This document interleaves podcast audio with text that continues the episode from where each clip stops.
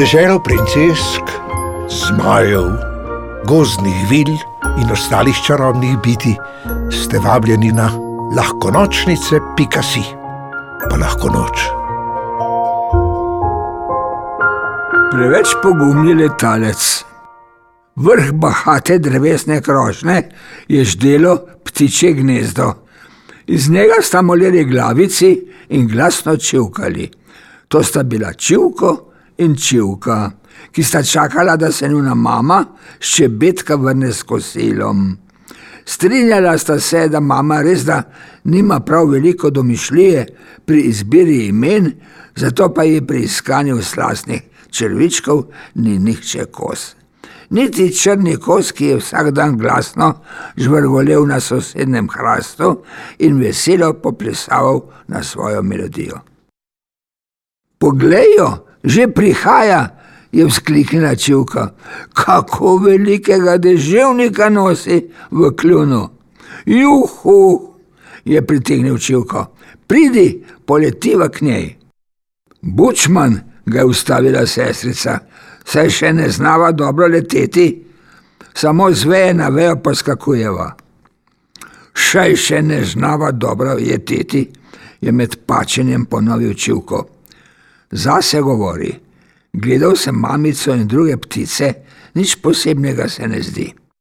Stopil je na rob gnezda, za ogrevanje trikrat zamahnil s krilci in zaklical: Mamica, poglej, kaj znam.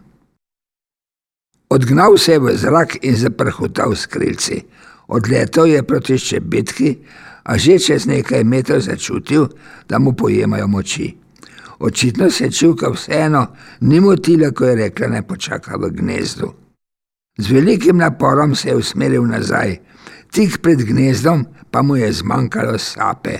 Omahnil je in telebnil na nižjo vejo. Ko je skrilcem udaril ob trd les, je zaslišal glasen resk. Na to pa so mu od bolečine oči zalile solze. Sinko! Se je zaslišal preplasen vrisk mame ščebetke. Ko je videla, kako je padel, se je tako prestrašila, da je izpustila deževnika iz kluna. Kolobarnik je padec prestal bolje kot čivko in se urno zakopal v zemljo, da bi se skril pred lačnimi pernateži. Kaj je bilo, kaj je bilo, si v redu, si v redu, je v gnezdu razburjeno poskakovala čivka in se ozirala navzdol. Mama je že priletela do sinka in ga vzela v naročje. Čivko moj, ga je stisnila k sebi, kaj ti je bilo, da si šel letat, pokaži krilce, da vidim ali kaj hujšega.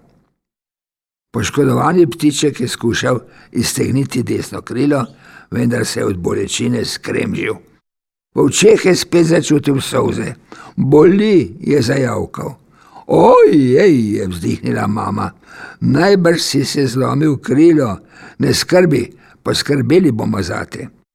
Odnesla ga je do gnezda, na to pa odletela do sosedne dupline, v kateri je prebivala sova uhla.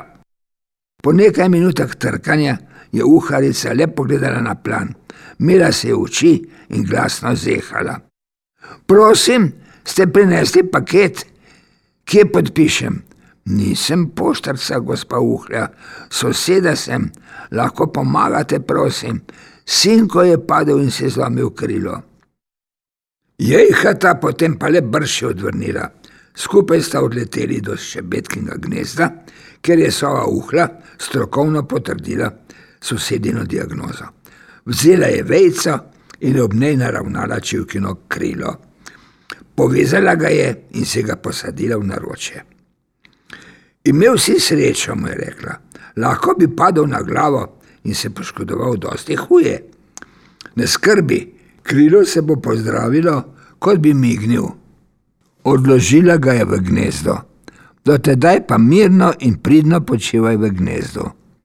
Uhlja se je poslovila, čivko pa je počasi mignil zdravim krilom. Mignil sem, je rekel, sem zdaj že zdrav? Bučman, se je zasmejala sestrica Čevka, to ne gre tako hitro, to še jaz vem. In res ni šlo, Čivko je vsako jutro prebudil mamico s vprašanjem, ali se je krilo že zacelilo, a vsakeč je odkimala. Toda, če že o okrevanju ni bilo videti konca, se vsaj dnevi niso vlekli. Čivko namreč skoraj da ni bil sam v gnezdu, saj so mu poleg mamice in sestrice družbo delale še druge živali. Veverica mu je v zabavo žonglirala z lešniki in vsake toliko je kakšen čmoknil na glavo Bobru, ki je v reki pod drevesom gradil jez. Takrat sta se Veverica in Čivko zasmejala. Čivka, ki se je medtem že naučila leteti, pa je švinila navzdol in se Bobru upravičevala. A Bobr se ni razhudil, razumel je, da je poškodovanje ptičku dolg čas. Ob popodnevih, ko je končal gradno, je pripovedoval bobrovske zgodbe o divjih rekah in pogumnih zobatežih, ki so jih ukrotili. V njih sta uživala tako bratec kot sestrica. Vsak dan je z bližnjega hrasta na obisk prifrfotal tudi kos in čivka učil plesati. Krilo je res, da moral držati pri miru, vendar je sova dovolila, da poskakuje po gnezdu. Ob neki priložnosti je čivka obiskal celo polš in se mu upravičil, da bi sicer prišel večkrat, a kaj, ko je drugi konec krošne, zanj tako daleč. Tako so tekli dnevi, dokler ni nekega jutra mamica rekla: Zdaj pa je in mu snila prevezo skrila. Prijalo je biti svoboden, to da čutil je, da krilo ni močno, kot bi moralo biti. Znova so mu na pomoč priskočili prijatelji. Bobar je preskrbel močno vejco, veverica pa je na vsak konec paličice navezala oreh in mu tako naredila utež. Čivko je vsak dan pridno krepil krilo, dokler se ni opogumil in mamici zaupal, da bi zdaj rad končno poletel. Postavil se je na rob gnezda, mamica in sestra pa oben. Za vsak primer, če bi spet opešal. Mali letalec je zamižal, se odrinil in zamahnil. Ko je začutil, da je obstal v zraku, je odprl oči in se veselo pognal okrog krošne, sestrica pa za njim. Ujemi me, mu je upila.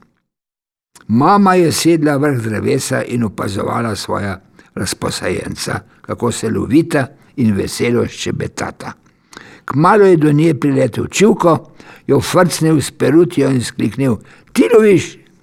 Na kljun se je zarisal na smeh in pognala se za otrokoma v brezskrben let.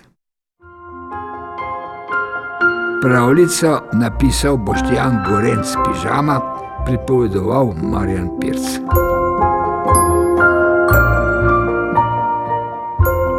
V deželo princesk, zmajev, gozdnih vil in ostalih čarobnih biti ste vabljeni na lahko nočnice, pika si, pa lahko noč.